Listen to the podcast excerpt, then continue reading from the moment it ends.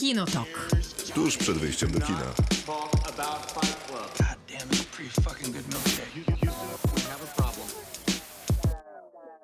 Krzysztof Majewski. Miłosława Bożek. Maciej Stosierski. Dzień dobry, to dobry wieczór. To jest Kinotok. Przez dwie godziny będziemy rozmawiać o filmach i serialach. Dzisiaj nie o serialach, dzisiaj głównie o filmach, ale serial będzie też miał swoje mikromiejsce w tym programie. Zaczynamy oczywiście jak zawsze od W robocie. Dzisiaj w ramach W robocie rozmawiamy o Gary Oldmanie. Wszyscy ci, którzy odgadli, kim jest człowiek ze zdjęcia na naszych mediach społecznościowych, bardzo dziękujemy i gratulujemy. I wszystkim tym, którzy udzielili odpowiedzi na pytanie, która to ulubiona rola tego aktora, też bardzo dziękujemy. My też będziemy się dzielić naszymi wrażeniami, jeżeli chodzi o Gary'ego Oldmana. Zgłoszeń było jak zawsze sporo i za jak zawsze za to bardzo uprzejmie dziękujemy. Jak zawsze chcemy więcej, tak jak i subskrybentów na Spotify'u, gdzie podcast zawsze we wtorek się pojawia, a program zawsze między 22 a 24 w Radiu Ram na 89,8 FM, oczywiście na żywo. A jeżeli chodzi o filmy, które dzisiaj będziemy recenzować, to mamy cztery i jak to powiedział Maciek, kiedy rozmawialiśmy na jakiejś tam konwersacji jeszcze poza antenowej, jest to mix bag, czyli taka bardzo mieszana, bardzo mieszany zestaw ale mocny, bo zaczynamy od banka Davida Finchera, no a to samo nazwisko jest bardzo mocne, 6 lat było trzeba czekać, dużo pieniędzy na pewno Netflix wydał na to, żeby zrobić taki film, o tym filmie będziemy rozmawiać na samym początku programu, a później o wujku Franku, który mnie naprawdę bardzo ucieszył i ciebie Maciek wiem, że też. Też, też. Bardzo był wspaniały to film. I wzruszający, jakże wzruszający. A w ogóle wszystko tam chyba było, bo i wzruszający, i, I się dobrze zabawny. pośmiałem, i akcja się trzymała, więc całkiem fajnie. Później I będą road trip. Też, później, chociaż krótki, później Królowie Charm City, No to mnie mniej ucieszył. Ale nie, my jeszcze go nie recenzujemy. Królowie Charm City to jest z kolei opowieść taka trochę z Barrym Jenkinsem w tle, bo to on historię wymyślał, pomagał przy scenariuszu, a zre- zrealizował ostatecznie Angel Manuel Soto. E, I to taka opowieść o ludziach, Coming of age. Trochę coming of age, ale też e, o ludziach, którzy jeżdżą na motorach, co jest takim jakby clue, bo też był film dokumentalny wcześniej, który o tym opowiadał. Jeżdżą na, na motorach e, w- na 12 godzinie, czyli motor jedzie na tylnym kole, pionowo to są takie motocrossowe ro- y, motory, no i to tworzy tę siatkę tego Baltimore, w którym, znaczy taką strukturę kulturową tego Baltimore, w którym akcja się dzieje. A na koniec będzie Szczygieł Johna Crowley'a, o którym mogę powiedzieć absolutnie nic. No możesz powiedzieć, że, był napisa- że jest e, książka, która była tak naprawdę Takim dużym powodem, tak, Mhm. i dużym bestsellerem i to bardzo lubiana w Stanach Zjednoczonych. No przepisana nieudanie, jak widać też po recenzjach bardzo niechętnych, jeżeli chodzi o amerykańską prasę. Zobaczymy jak e, z Polskim Radiem, e, jeżeli chodzi o nasze uwagi i recenzje na temat tego filmu, czy było tak źle, czy może jest znacznie lepiej. To wszystko na koniec programu, ale zaczniemy od w robocie, czyli dosyć standardowo. You do not talk about Fight Club. Kinotok. Film. Zaczynamy od w robocie, czyli takim cyklu, w którym w piątek poprzedzającym e, poniedziałek zadajemy pytanie odnośnie jakiegoś Filmu. nieźle. filmu, serialu albo sceny w jakimś temacie. Z reguły są to tematy bardzo różne, ale po raz pierwszy pytaliśmy o aktora i jego y, najlepsze role. Zresztą była to podwójna zagadka, bo najpierw trzeba było odgadnąć aktora, a to takie łatwe znowu nie jest, bo chodzi o Gary'ego Oldmana. A jeszcze raz gratulujemy tym, którzy odgadli, bo A potem to już nie była zagadka, bo to już bardziej było takie... Upust swoich e, ulubionych Tak, filmów. dokładnie. Impresja na temat. Tak, to prawda, to prawda. Gary Oldman dzisiaj tym y, tematem Gary'ego Oldmana od razu was spytam w ten jakże kreatywny sposób, czy Gary Oldman jest ważną osobą w waszym życiu? Jest. Słusznie. Nie, bo, Jest. bo to jest bez, bez dwóch zdań taki dwoisty aktor, co zresztą w nim bardzo lubię. No bo z jednej, myślę o Tildzie Swinton, to ona w zasadzie w każdym filmie się jak, y, dochodzi do jakiejś transformacji takiej bardzo mocnej, a czasami zupełnej. Natomiast Gary Oldman ma w sobie dwie narracje. No jedna to jest właśnie ten Gary Oldman, który jest bardzo przebrany, jest bardzo różny, trudny do poznania, a drugi Gary Oldman to jest Gary Oldman, który z reguły jest w garniturze jakimś takim z reguły skromnym i robi rzeczy. I to jest bardziej skupiona wtedy rola, mniej szarżowana i moim zdaniem znacznie ciekawsze są te role, w których występuje w garniturze, a nie w takim odjechanym kostiumie. Ale u niego to chyba też trochę z wiekiem jest ta transformacja, bo im młodszy był i patrząc na jego ten początek dorobku, to raczej były te przebrania i takie głośniejsze granie. Im starszy się robił, tym właśnie ten brytyjski garnitur No przybywał. tak, a z drugiej strony Oscara dostał za rolę, która jest jednakowoż jedną wielką szarżą. E, Chodzi ci o y, rolę. Winstona Churchilla. W takim... No właśnie, no i, i to trochę jest prawda z tym, co mówisz Miłka, no bo z jednej strony ma ten garnitur, o którym wspominałem, ale z drugiej strony jest to połączenie też jego wcześniejszych ról, bo zakłada największy kostium, jaki założył kiedykolwiek. Tak, tak. No właśnie w- fat suit i granie w nim, no też jest sztuką, jak w każdym kostiumie, zwłaszcza takim skomplikowanym. Czytałam jakiś wywiad z nim teraz przy okazji Manka i mówił, że strasznie go to stresowało, że David Fincher chciał od niego braku charakteryzacji. On zupełnie nie jest ucharakteryzowany na scenie w nowym filmie. Czy jest też taki przytyty? E, Taki jest przytyty w, wiem. faktycznie. Ja wiem, czy on I- jest przytyty? No No taki tak jest ociężały. ja, więc no to już wiadomo, że przytyty troszeczkę. Maciej, po raz kolejny.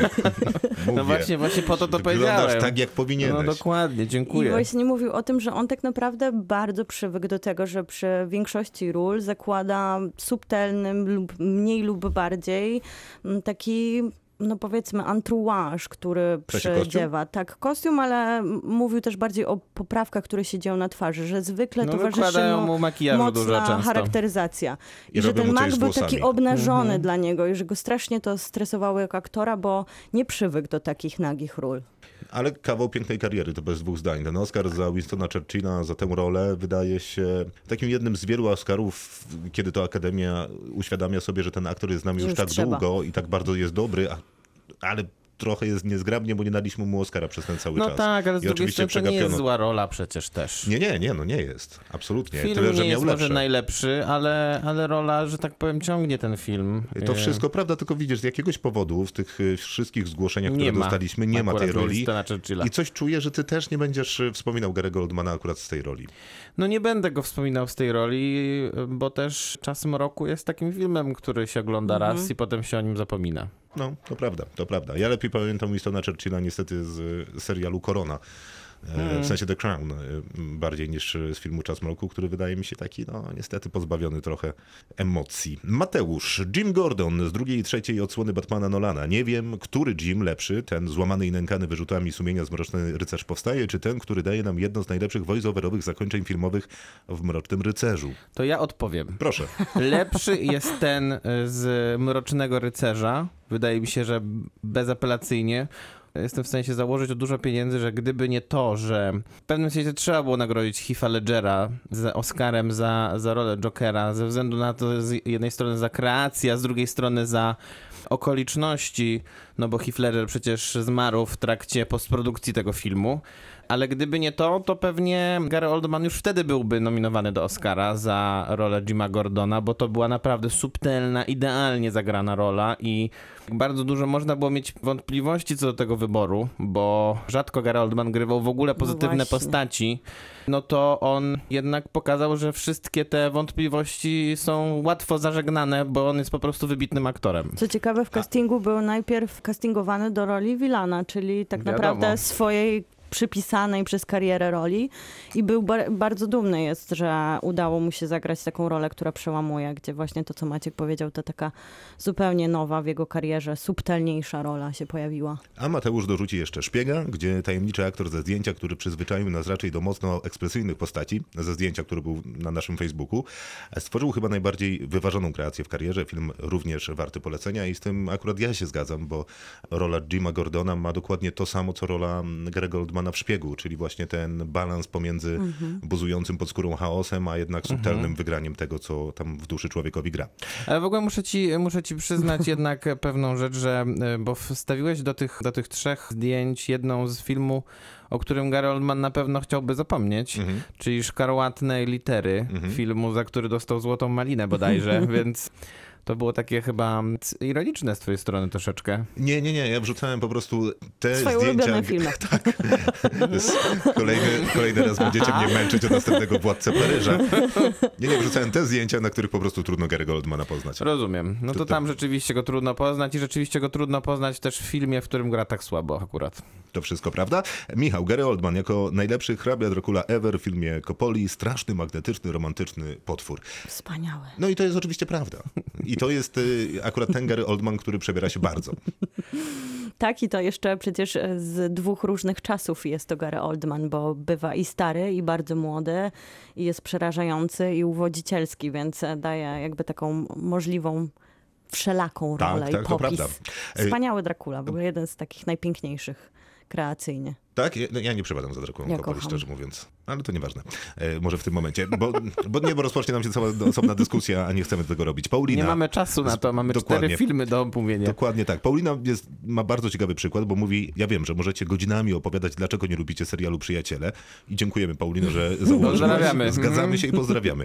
Ale gdyby go nie było, nie dowiedzielibyśmy się nigdy, co Real Actors Do.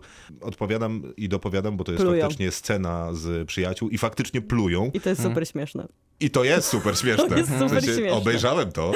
To jest w zasadzie dwa razy i jest to super śmieszne. I to też jest takie faj, fajnie Więc i można- autoironiczne, bo jednak Gary Oldman gra wielką gwiazdę, aktora, który no, ma status Gary'ego Oldmana Gra po prostu siebie. W, tak, w przyjaciołach i się zapluwa. Więc Przyjaciele faktycznie są serialem problematycznym, ale bez wątpienia ten, ta Bez scena, wątpienia są problematyczne. ta scena udowadnia, że mają swoje momenty do wcipnisiu. Ale pozdrawiamy wszystkich, którzy bardzo kochają. Serdecznie. Tak, bo chcemy mieć jeszcze jakichś słuchaczy. Tak jest. E, Tomasz e, wybiera Leona zawodowca bez uzasadnienia, bo w zasadzie wstawił gif, e, ale rozumiem. Marek, to bardzo trudny quiz, bo połowa jego ról co najmniej to sztos. Ale jednak dla mnie Rosenkranz i Guildenstern nie żyją. Na pewno przeczytałem źle te nazwiska. E, Kiedy ten film się e, pojawiał, to starałem się nauczyć, ale ta nauka poszła w las. Cały film, wiele scen, jedna z lepszych e, to gra w pytania. W Wikipedii błędnie podpisany, że grał Rosenkranza. To nieprawda, on sam nie wie, kogo grał. Kto widział, ten rozumie. Kto widział, też niekoniecznie rozumie, bo to jest film trudny i skomplikowany. Ja nie widziałem. Beata. Wszystkie, absolutnie wszystkie. Mariusz, zdecydowanie Dracula. Joanna, trzy znakomite role. W Szpiegu, w Drakuli, w Leonie, plus Sirius Black, mega sexy, najmniej w sumie Churchill. To taka A czyli pojawił Czyli się jednak. ten Churchill. Zapomniałem o tym. E, Magda jeszcze mówi, że w Batmanie, no i że oczywiście Sirius, Sirius Black, oczywiście z serii filmów o Harrym Potterze. I to wszystkie głosy, jeżeli chodzi o Gary'ego Goldmana i wydaje mi się, że całkiem dużo tych głosów się pojawiło i zupełnie nie takie oczywiste, więc głosy jak zawsze ciekawe, fajne i Jak zawsze dziękujemy. Bardzo serdecznie dziękujemy. To zaraz y, my o Garym Oldmanie jeszcze chwilę porozmawiamy, a później cztery filmy do zrecenzowania. Pierwszy, który będziemy recenzować to Mank. Kinotok. Film.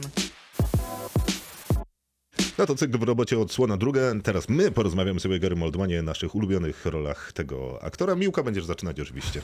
Jak miło. I pamiętaj, krótko, I zwięźle. tak jest. I na temat. Węzłowato.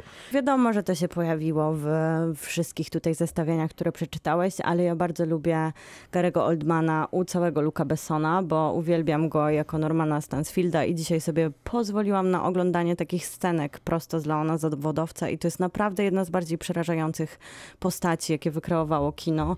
I ten taki lekko komiksowy, ale tak bardzo dopasowany element, kiedy Norman Stanfield e, przyjmuje tabletki i zawsze się odwraca i taki robi dziwny gest głową, a później ma takie, nawet nie jestem w stanie sobie wyobrazić, jak to zrobił Gary Oldman, że ma taki rozpłynięty wzrok, jak po, no jakby naprawdę był po jakichś poważnych narkotykach, kiedy jest ta scena w toalecie i robi to fantastycznie, to jak jego fizis wygląda. No i oczywiście Zork z piątego elementu to już taka naprawdę komiksowa postać, ale To też... się dziwię akurat, że to się nie pojawiło.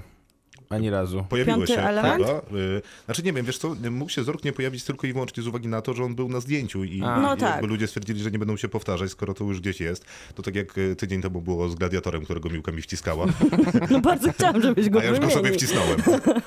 Więc Zork jest te, też wspaniały i to zupełnie inna rola, bo to dalej lata 90., najpierw 94, później 97 i jednak na poważnie jest w Leonie Zawodowcu, chociaż tam się pojawiają właśnie takie elementy trochę przełamania, no to Zork już jest No zupełną, to jest szarża, w kostiumie pełna. Ale tak wyśmienicie. Ale wyśmienita.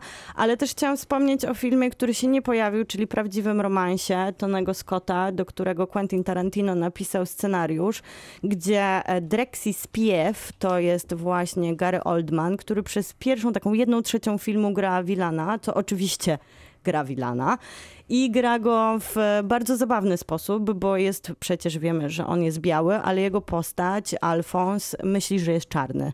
I Gary Oldman przyznaje się, że w większości swoich ról on zmienia głos i praktycznie zawsze mówi albo gra trochę innym głosem. I tutaj no, jego postać po prostu musiała zmienić głos, skoro czuła się czarna, była biała.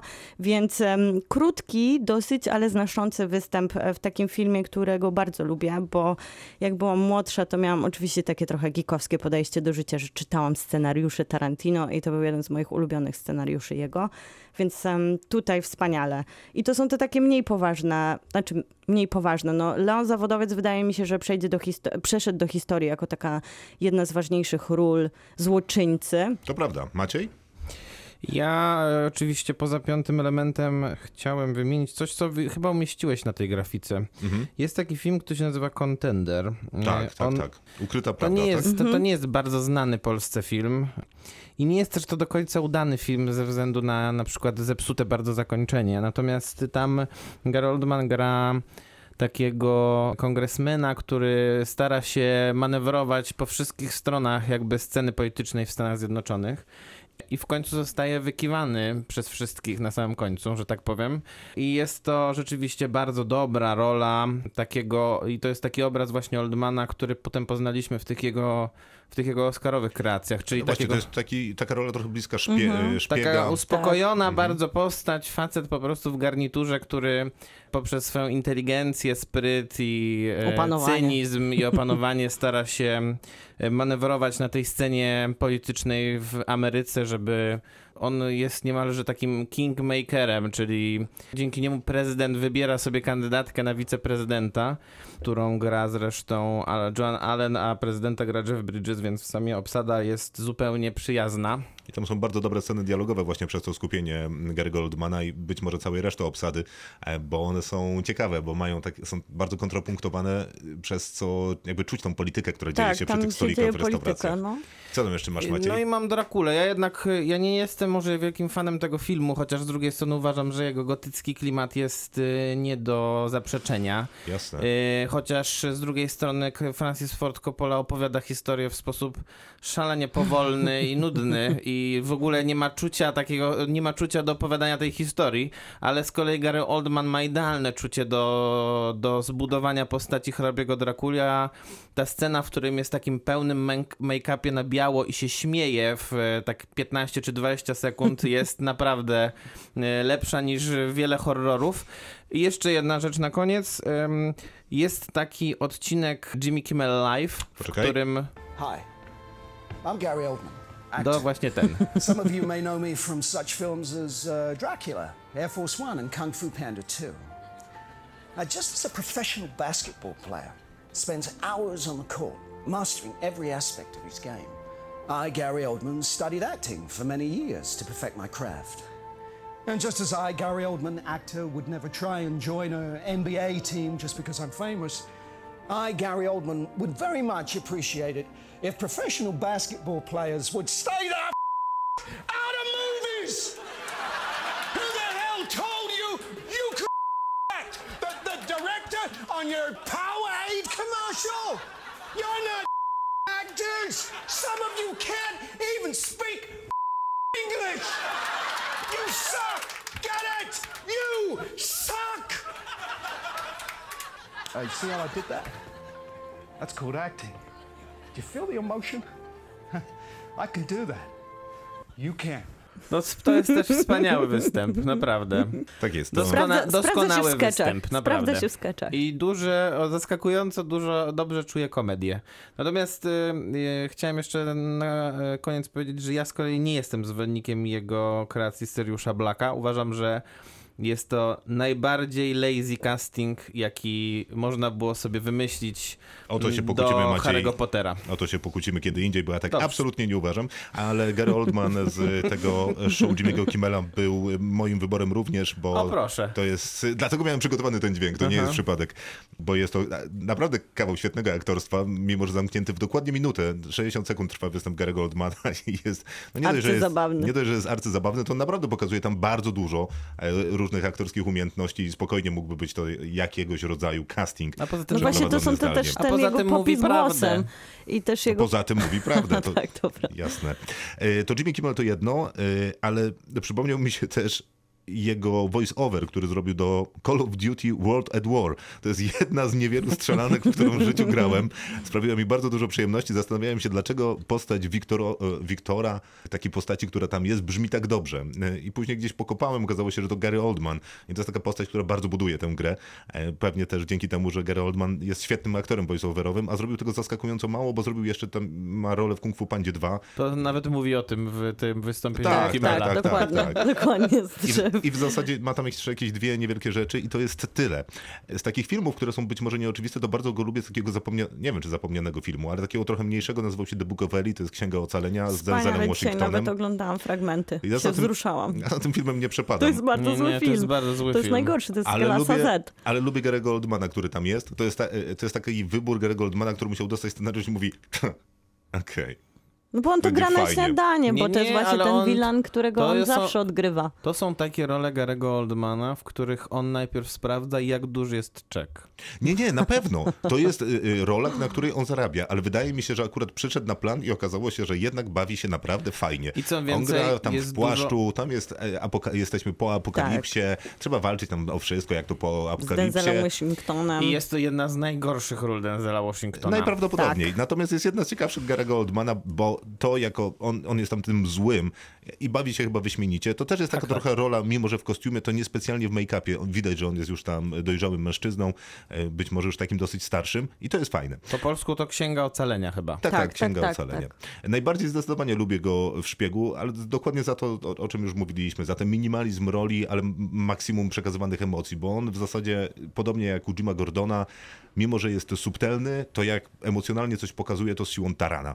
I to jest jakby największa w ogóle wartość y, Gary Goldmana, która też bardzo mi odpowiada w Seriuszu Blacku. Y, Możesz uważać, że to jest lazy casting, bo być może jest, y, ale on nadal sobie bardzo dobrze z tą rolą radzi. I to w zasadzie tyle. Po prostu lubię go tam, gdzie jest skupiony, a nie gdzie jest fajerwerkiem. Chociaż prawdopodobnie na większość ról, gdzie stara się być tym fajerwerkiem, też nie narzekam. Po prostu wolę go tam, gdzie... Jest to wybitny aktor Tak. i Kropka jakby to myślę, że to jest najlepsze No podsumowanie. i właśnie chyba też To to, podsumowanie, że te filmy są takie różne, że on jednak zagrał, nie dał się tak naprawdę złapać w tą pułapkę po tej początku ta kariery, kiedy był taki komiksowy i krzykliwy i taki już mógł zostać z taką etykietą, a pokazał, Dlatego- że to przełamuje przez jest lata.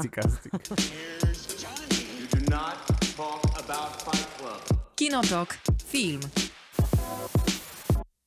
Ten film to Mank. Długo trzeba było czekać na powrót Davida Finchera, bo aż 6 lat od Gone Girl, jego ostatniego filmu, no a teraz trafił na Netflixa. Po drodze z Netflixem już miał przygodę, bo przecież robił tam y, serial. No ale ten serial, jak już powiedział, mm, właśnie się skończył. Zawiesił go. Tak, ale zawiesił na wieszaku, który spłonął, bo ten serial ma nie powrócić właśnie z uwagi na to, że kończył Manka, a ma nie Tam jest powrócić. taka trochę, Właśnie tam nie jest taki wiadomo, bo ja też plan czytałem troszkę, takie że... Już kończę, są. już kończę, a, ma, a może nie powróci, dlatego że ma trzyletni kontrakt teraz z Netflixem i być może powróci, bo ma trzyletni kontrakt Na z Netflixem. Wyłączność. Na wyłączność, a być może nie powróci, bo ma już sześć projektów rozpisanych przez Ale tam jest... dyrektorów Na trzy lata? Tak, No na, wiesz. trz- tak. W sensie kontrakt na trzy lata. Ale tych filmowych czy serialowe to są Tam chyba projekty? nie ma Nie wiadomo. określonego A, jeszcze tego. nie wiadomo. Ale też tam jest jakiś taki mały projekt, że jeżeli on nie da rady przy całym tym możliwym planie z Netflixem, to przerzucą tego Mindhuntera na jakiegoś Dobrze, nowego. powiedziałaś jaki tytuł, bo Krzysztof Tak. zapomniał. Mindhuntera na nowego showrunnera. Nie powiedziałem? Nie powiedziałeś. No. Mindhunter. Tak, właśnie. Tak. Ale Na dwóch sezonach się zatrzymał. Tak, rozmawiamy o Manku. No i to jest ciekawa historia, no bo faktycznie trzeba długo było trzeba poczekać na Finchera, który powróci. No i powrócił, tylko że z filmem, którego prawdopodobnie większość widzów Netflixa by się nie spodziewała. Woleli pewnie dostać Zodiaka, albo woleliby dostać 7, a dostają Hollywood z lat 30., dostają początki ho- mm, I 40. i 40. Dostają Hollywood, który się buduje na tych największych nazwiskach, y, które ci, którzy znają historię Hollywood, z pewnością bez problemu rozpoznają. Ci, którzy niekoniecznie, mogą mieć problem. Natomiast prawdopodobnie wszyscy rozpoznają film Obywatel Kane i rozpoznają go o tyle, że wiedzą, co to za film, nawet jeżeli nigdy go nie e, widzieli. No i to Wszyscy jest wiedzą, że to jest największy, najważ... najlepszy film w historii kinematografii. na E, pewno Przez wielu amerykańskiej. uży- Tak przynajmniej tak. wiele uważa. Tak jest. Przerabia się go na studiach i to w zasadzie na wielu studiach, nie tylko na filmoznawstwie, ale na różnych kierunkach humanistycznych. To film Orsona Wellesa oczywiście, no ale opowieść będzie o Herbanie Mankiewiczu, czyli człowieku, który napisał Orsona Wellesa. Rzekomo. Napisał obywatela Kaina. Obywatela Keina. Rzekomo, bo i na tych studiach, o których wspominałem, się właśnie o tym dyskutuje. Napisał, a może nie napisał. David a właściwie z tym nie to kto dyskutuje. napisał? E, Nie, nie, bardziej nie dyskutuję z tym e, ojciec Davida Finchera, Tak. który tworzył scenariusz jeszcze w latach 90. i który zdążył już, że tak powiem, umrzeć w międzyczasie i David Fincher po prostu sięgnął po zakurzony scenariusz swojego ojca. A nie wiadomo, może to taka osobista jest bardziej piękna historia, że mu przekazał ojciec jako spuściznę, więc No nieważne, spore osobiste powody za tym stoją. Scenariusz sugeruje, że Herman Mankiewicz właściwie samemu napisał ten scenariusz do Obywatela Keina i jeżeli Orson Welles miał jakikolwiek wpływ na to, to jakieś robił poprawki. No nie, I- tam jest jedna scena, bo generalnie się zgadzam, ale jest jedna scena, która jakby próbuje tłumaczyć w jakiś sposób rolę Orsona Wellesa. Ja ją Mhm. rozumiem trochę tak, jakby Orson Welles miał być producentem tego scenariusza, a wykonawcą Herman Mankiewicz. E, Ponieważ mówi, że napisałeś ten scenariusz, ponieważ zabrałem od ciebie wszystko, co destrukcyjne. Zabrałem alkohol, zabrałem coś tam jeszcze, dałem ci dom, dałem ci e, ludzi, którzy jakby zajmowali się tobą w czasie, kiedy pisałeś ten scenariusz. No bo trudno też odmówić pomocy tym e, kobietom, które z nim są No, przez cały czas pisania scenariusza. Natomiast samemu Wellsowi odmówienie tego na takim poziomie współpracy scenariuszowej, no no jakby trzeba odmówić, przynajmniej według tezy Finchera w Tak. filmie Mank. Natomiast faktycznie, być może rozpoznając wady i zalety Mankiewicza, to umieszczenie go w tym domu, gdzieś tam na jakimś tam w cudzysłowie odludziu, było faktycznie niezłym pomysłem. No ale Tylko tru, prawdopodobnie trudno go tu teza- dopisać jako autora. Tylko prawdopodobnie teza jest fałszywa, bo jednak się mówi o tym, że Orson Welles miał dużo większy wpływ na to, jak wyglądał Tak? scenariusz Obywatela Keina, niż to, co jest pokazane w filmie Finchera.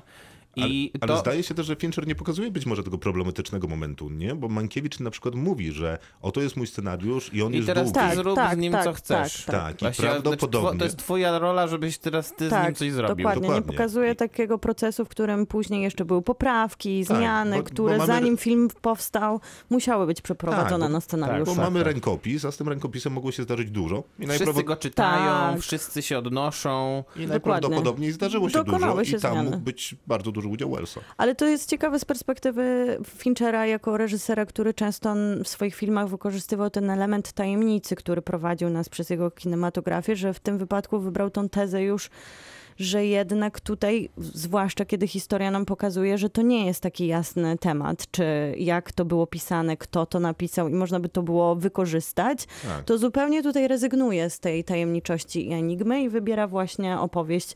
No, z jednej strony, tak jak Maciek powiedział, jest to trochę personalna Znaczy, ja bym się sytuacja. chciał zatrzymać jeszcze przy tej enigmie, no bo wydaje mi się, że rezygnuje z niej jakby w samej strukturze filmu, ale nie rezygnuje z niej dając widzowi ten film, bo m- Tak. mnie się wydaje, że naprawdę jest ciężko podejść do tego filmu, jeżeli nie widziało się albo nie ma takiego więcej niż ogólnego pojęcia o obywatelu Kane Mhm. i nie ma się no, takiej dłuższej notki z Wikipedii przeczytanej na temat Hollywood lat 30., bo I znacznie konkretnych postaci. Tak. tak, tak, tak. Y, Bo znacznie lepiej ogląda się ten film, kiedy się wie, kim są ci ludzie, którzy są szefami studiów y, poszczególnych, albo które to studia są i jaki mniej więcej mają charakter, bo w dialogu się bezpośrednio I z- do tego w tym filmie I, odnoszą. I dokładnie, a przy okazji oni też mają bardzo mocne historie, wielu z nich, którzy się tutaj pojawiają, a tutaj nie ma jakby też przestrzeni, ani to nie jest założenie No nie jest Finchera, cel żeby taki. opowiedzieć o ich biograficznych historiach, więc oni się tu pojawiają na krótko, często mają takie tylko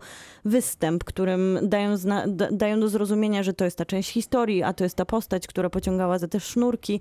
No i tutaj faktycznie przydałyby się przypisy, które się traktuje do tego filmu, no których brakuje, więc albo jest to chęć widza, no albo jednak zostawia się to dosyć hermetycznemu gronu widzów, którzy się na tym znają. No chyba, że ktoś podejmuje taki dystans do tego, że opowi- opowiada się tą historię No, ale bez da kontekstu, ale nie da się. W sensie, jeżeli nie rozumie się relacji jakby tego Hollywoodu, bo to jest naprawdę ciekawe, w sensie i William Hurst, i Louis B. Mayer, e, i...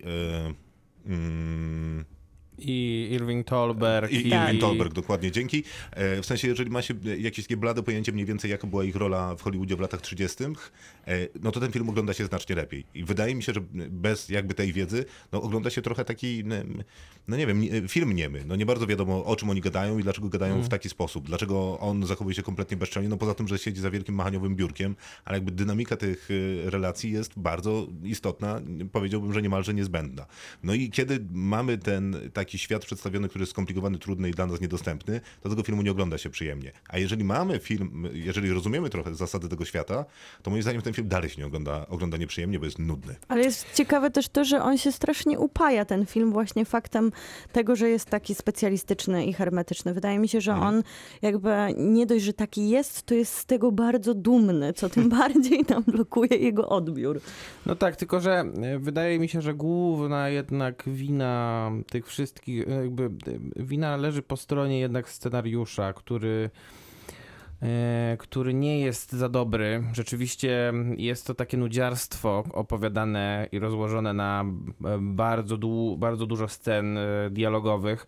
Dialogi akurat tutaj wydaje mi się nie są problemem, natomiast sama, samo zaangażowanie widza nie zostało poprowadzone dobrze na papierze, bo David Fincher jako reżyser szyje z tego, co, ma, co, mu, co mu daje scenariusz. Jak, e, jak dostawał lepszy scenariusz, na przykład nie Marona Sorkina do Social Network, to wtedy też potrafił błyszczeć jeszcze bardziej jako reżyser. Tutaj, tutaj on bardziej musi łatać te, te dziury, które są w tym scenariuszu, albo je cerować właśnie te dziury, które, które pozostawił po, przez, e, na, na tym tekście jego ojciec, bo on, bo ten film dobrze jest wyreżyserowany. W sensie, gdyby nie było, gdyby, gdyby David Fincher nie był e, niezwykłą fachurą, jeśli chodzi o reżyserię, to w ogóle nie dałoby się tego oglądać prawdopodobnie. Ja mam taką absurdalną trochę tezę, w której wydaje mi się, że jednak to tarcie pomiędzy tym studiem, który jest pokazywany wielokrotnie tutaj w tym filmie, który dociska Manka e, trochę w, trochę w osobą Wellsa, trochę innymi osobami, do tego, żeby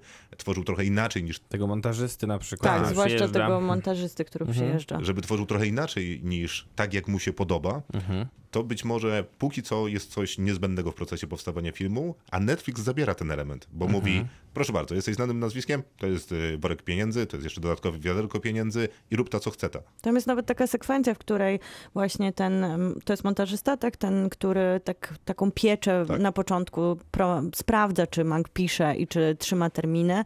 Przyjeżdża, już Czy jest część, pije. tak, jest już część gotowa scenariusza i Pije. mają taką rozmowę o tym, że mm, no wszystko jest wspaniale, to jest ciekawy scenariusz, podoba mi się, ale jest zbyt skomplikowany. Ludzie nie zrozumieją, musisz to sprostować, dać ludziom po prostu to, czego potrzebują, czyli takie trochę łopatologiczne treści i potraktować tego widza, no nie wyrozumiale, nie tak, że jest w stanie dążyć za historią, tylko jednak tworzyć tako, taki projekt, film, który się sprzedaje.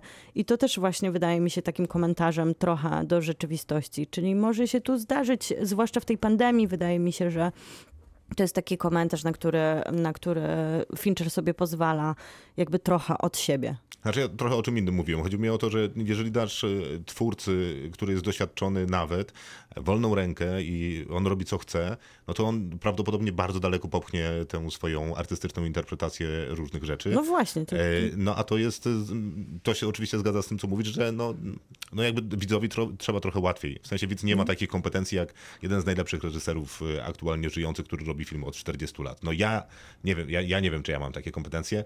Nie, jednak wiem, na pewno nie.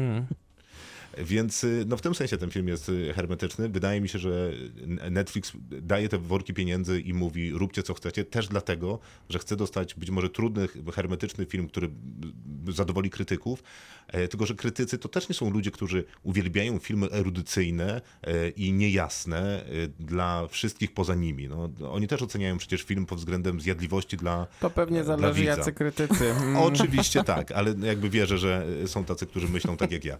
Natomiast Tacy e, bardziej populistyczni. no, no, nie wiem, czy być może. Tak można to powiedzieć, myślę. No, no, no może, może.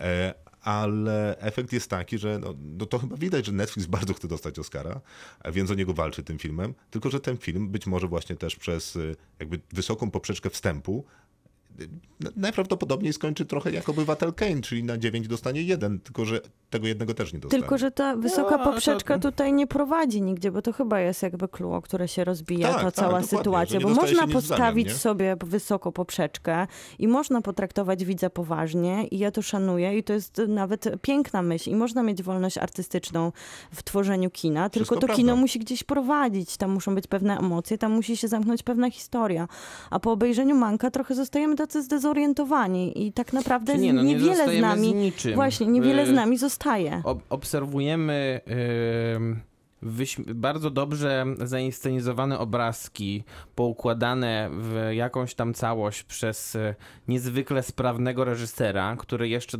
dodatkowo ma do dyspozycji wy- wybitnego aktora w roli głównej, który mm, nie gra jakiejś rewelacji żadnej w tym filmie, ale z drugiej strony też nie schodzi raczej poniżej jakiegoś poziomu. I, ym, I to jest tylko to, co dostajemy z tego filmu. I, z dru- i, z, I teraz pytanie jest takie, bo ja na przykład strasznie czekałem na powrót Davida Finchera i generalnie jestem bardzo rozczarowany tym, jaki ten powrót jest, ale z Jeżeli drugiej jest jakaś lista do podpisania się pod tą tezą, to proszę mnie dopisać. ale Ja z drugiej strony ten film pokazuje, że e, bardzo kino jednak potrzebuje Davida Finchera wciąż, bo on nawet ze, ze słabej rzeczy jest, e, jest w stanie wycisnąć sporo. No może, ale nie masz takiego wrażenia, że Fincher sobie poszedł gdzieś na tym planie zajmować się łataniem scenariusza i No, e, próbowaniem poukłada i próbował poukładać te klocki, a Gary Oldman akurat był reżyserowany przez Woody'ego Allena? Dlaczego? To, dlaczego No bo, no bo jego, posta jego postać jest tak zbudowana i on w zasadzie No jest tak zbudowana, że jest to, jest to taki cynik, który ma zawsze, za, w każdej scenie musi mieć ostatnie słowo. Tak, tak zbudowany mniej więcej Herman Mankiewicz i niczy, niczego więcej się nie można o nim dowiedzieć, poza tym, że jest nie wiem, alkoholikiem. zdradzał Tak. żonę i Cynicznym alkoholikiem. jest alkoholikiem i I- generalnie z jakiegoś powodu miał bardzo bliską relację z tą Marion Davis, chociaż nie do końca wiadomo Nie dlaczego. do końca, bo, bo ten film jest też wyzbyty emocji, a w pewnym sensie razem z tym obłędem trochę alkoholowym naszego bohatera, wydaje mi się, że im dalej idziemy w ten film, tym bardziej wszystko się rozpływa, jest taką wizją po prostu pijanego człowieka. I jeszcze Nie, na nie, początku jest ta struktura... coraz bardziej, tak. im dalej się go Na początku jest wchodzi. jeszcze ta struktura opowiadania historii, jak tworzy się scenariusze, jak wyglądają studia, która ma no, jakieś fundamenty, przynajmniej dzieje się jakaś opowieść, która w momencie, kiedy przenosimy się na, tą fe, na, to, na to miejsce odosobnienia, coraz bardziej wchodzimy w wspomnienia Manka, które też coraz bardziej się rozpływają w tym jego procesie twórczym, ale upijaniu się przy okazji. Zupełnie ten film jakby odchodzi, ale nie dostajemy też żadnych emocji, bo ci bohaterowie są zupełnie odlegli od nas. Wiecie, z jakim filmem mi się kojarzył y, najbardziej Mank, kiedy go oglądałem właśnie w tym momencie, kiedy zaczynał się rozsypywać tej historii opowiadania o powstawaniu historii. I to było dosyć przykre skojarzenie, bo najbardziej mi kojarzyło się z Don Quixotem, y, z Don Quixotem. Terego Gilliama, który y, w końcu Razem został w ukończony. trójkę w sumie nawet go widzieliśmy Tak, w w sensie. Miałem podobne, po, podobne uczucie y, zagubienia. Też, to, też był film o robieniu filmu. I też e, takie czuć było uwielbienie reżysera do swojego własnego tworu. No właśnie. Takiego I- właśnie artystyczne, że robię to, co chciałem zawsze I zrobić. też nie bardzo wiadomo, o czym to było. Te główne role tam niby były też wybitni aktorzy, ale no, pff, no faktycznie byli, no i tyle można o tym powiedzieć. I skończyło się jakimś takim strumieniem świadomości, który trafił na pewno nie, nie, nie, nie do mojej świadomości. Więc nie wiem, z tym miałem jak- jakieś takie mm, porównanie, które być może dla tych, którzy mm, Don Quixota Gilliama widzieli, jakoś sobie tam y, to pokojarzą, a być może zupełnie nie. E, No tak, Będziemy oceniać, strony bo jeszcze mamy osta- jeszcze trzy filmy do To jeszcze zrobienia. ostatnie a- zdanie tego wygłoszę, żeby, żeby nie było tak, że, yy, że to nie jest zupełnie nieudany film. To prawda. Dziękuję, dobre Nie. zdanie końca. E, I jeszcze ocenę możesz. Siedem. Sześć. Siedem. Okej. Kinotok. Film. Czas na film, który nazywa się Wujek Frank, czyli Uncle Frank, czyli Uncle Frank, czyli Wujek Frank. O nim będziemy rozmawiać. Brawo.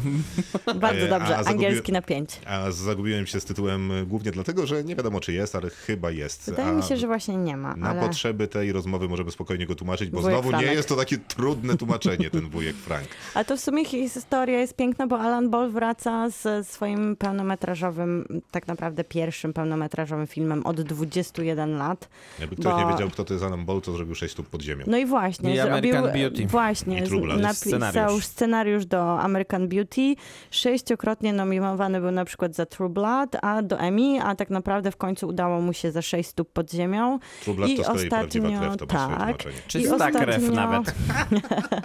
Tu i teraz zrobił taki serial dla HBO, który no, mocno podzielił krytykę, taki bardzo autorski. To jest jego ostatni projekt, który mogliśmy oglądać, no bo Sześć stóp pod ziemią to już jest taki kultowy Staruszka. serial, ale jednak starszy. Nawet e, szczerze powiedziawszy, Prawdziwa krew, Czysta krew to już jest serial, który też się zestarzał, bo to przecież serial, który trochę otwierał telewizję jakościową i ten przełom, który się dział w telewizji. Ale te 7 sezonów wlekło się tak długo, że prawie Oj, dopiero co się wspaniała skończyło. to była rozrywka. Wspaniała, I. Cześć. Mamy taką grę na dzisiaj przewidzianą, żeby nie używać słowa I Miłka nie... Ja używa mam, ja mam nie I Miłka używać. przegrywa. Nie, no jak nikt miał nie używać. E, I też jest to, historia wujka Franka jest po części zainspirowana prawdziwą historią przeżyć jego ojca, a też przy okazji Alan Ball jest zdeklarowanym homoseksualistą, więc jego historia którą opowiada, jest też z jednej strony trochę biograficzna, trochę No tak, związana z jego życiem. Myślę, że Alan Ball jednak nie ma problemu yy, takiego, jaki 70., miał wujek tak. Frank y, tutaj, żeby, żeby być otwartym homoseksualistą Ale mógł mieć- w sytuacji, gdzie, gdzie, gdzie jest scenarzystą w Hollywood. Występuje Paul Bettany. E, Historia jest mniej więcej taka, że e, jest rodzina i jest Paul Bettany, który jest profesorem e, pf, literatury być może Chyba tak. e, i ma siostrzenicę, która dostaje się na uczelnię, na której on wykłada. Więc, On ją nawet do jest tego to sugeruje. w Nowym Jorku. Tak, i jedzie do tego Nowego Jorku, żeby studiować i poznaje pierwsze pi- studenckie, pierwsze dni studenckiego życia e, i też poznaje Paula Bettaniego, który będzie musiał szybko wrócić do swojego rodzinnego miasta razem zresztą ze swoją siostrzenicą, ponieważ zmarł e, jego brat e, młodszy i ojciec tej siostrzenicy.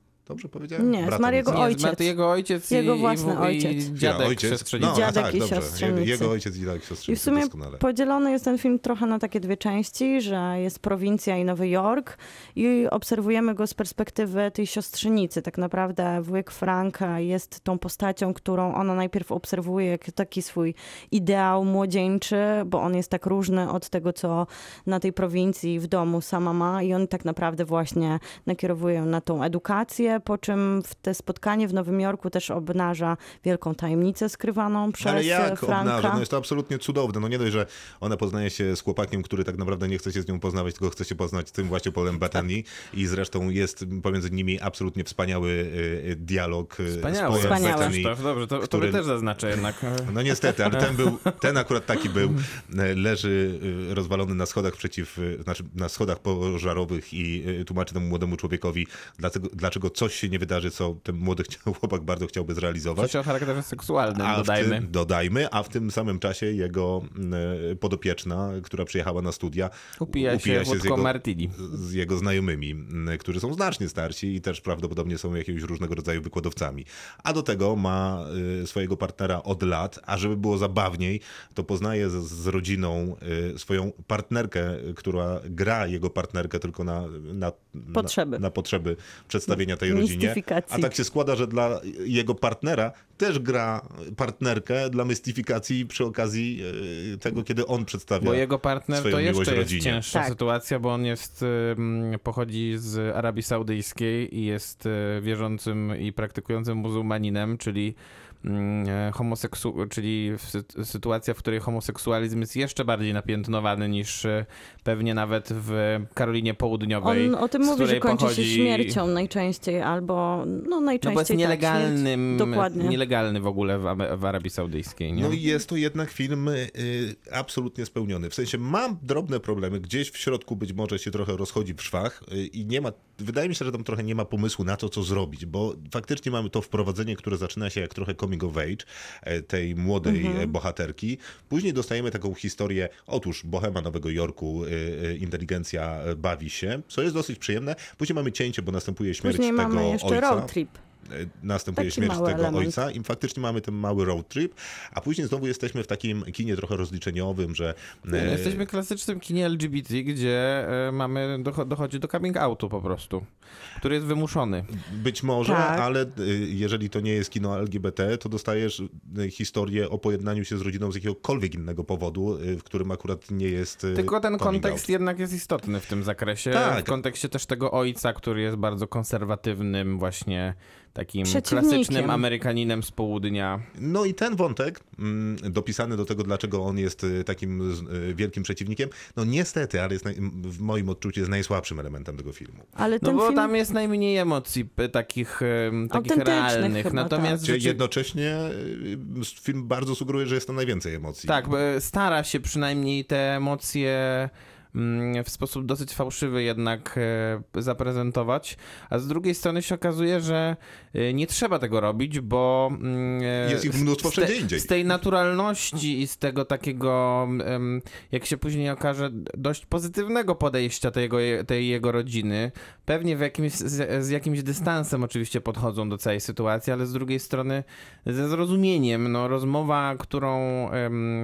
e, Teraz będzie to duży być może spoiler, ale rozmo- Nie, naprawdę nie musi. Nie musi, to nie, Nie, będę mówił. nie.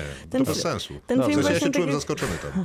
Ja też się czułam zaskoczona. Aha, dobrze. Jest, e, to jest jakieś takie wspaniale, sprawnie połączenie tych Wspaniale. gatunków, o których e, mówiliśmy, że z jednej strony jest to dramat rodzinny, z drugiej strony jest to też e, taka bardzo wzruszająca i ciepła historia, ale też komedia i coming of age story i to wszystko się dzieje w jakieś najlepsze momenty, wydaje mi się, są wtedy, kiedy Alan Ball daje dużo przestrzeni swoim aktorom, bo tutaj jest A świetnie zagrana. świetną ekipę aktorów, Wspaniała naprawdę. obsada, o, możesz mi zaznaczyć. Wspaniała Doskonale. obsada. Od właśnie młodej aktorki Bethany, którą mogliśmy, e, Sofia Lilis się nazywa, Bethany to Beth to jest jej bohaterka, którą mogliśmy oglądać ostatnio w bardzo fajnym serialu To nie jest okej i ona wydaje mi się bardzo taka, bardzo też pasuje do tej stylizacji lat 70., niesamowita uroda, która idealnie, tak, ona jest taka, bardzo plastyczna Jaką i emocję jej nie wpiszesz na twarz, to cała ta twarz i jest działa. emocją. I te super. zbliżenia, bardzo ładny jest ten film. Paul Bettany w takiej delikatności, którą czasami przełamuje i ta chemia, która... On jest... jest rock'n'rollowcem tam. Nie, on potrafi być taki czuły i delikatny i ta relacja No, między delikatny nim... jest Wally, wydaje mi się. I, ta rela-. I wspaniała chemia jest między nim a jego partnerem i taka, taka relacja, która jest Tam wykuta. dopisz mił, miłce, e, Tak, tak, kolejne nie, wspaniale. ale jedną rzecz e, warto powiedzieć, bo Paul Bettany, który e, gra tutaj tego Franka, czyli człowieka wychowanego właśnie w, mm, na głębokim południu, który się przenosi do Nowego Jorku, e, a jest urodzonym Londyńczykiem, który powinien mówić z takim bardzo mocnym londyńskim, e, brytyjskim akcentem, a tutaj on mówi to w taki sp- on, on e, potrafił dobrać do tego taki akcent, że naprawdę można byłoby się pomylić, czy on przypadkiem stamtąd nie pochodzi. Spokojnie można by było, a, y, ale to, o, o czym jeszcze mówiliśmy moment temu, to, że mimo, że w tej historii jest dużo emocji, jest trochę emocji, które są y, trochę plastikowe i dopisane I jakby czasami trochę manipulacji. zupełnie niepotrzebnie i nie wiadomo po co,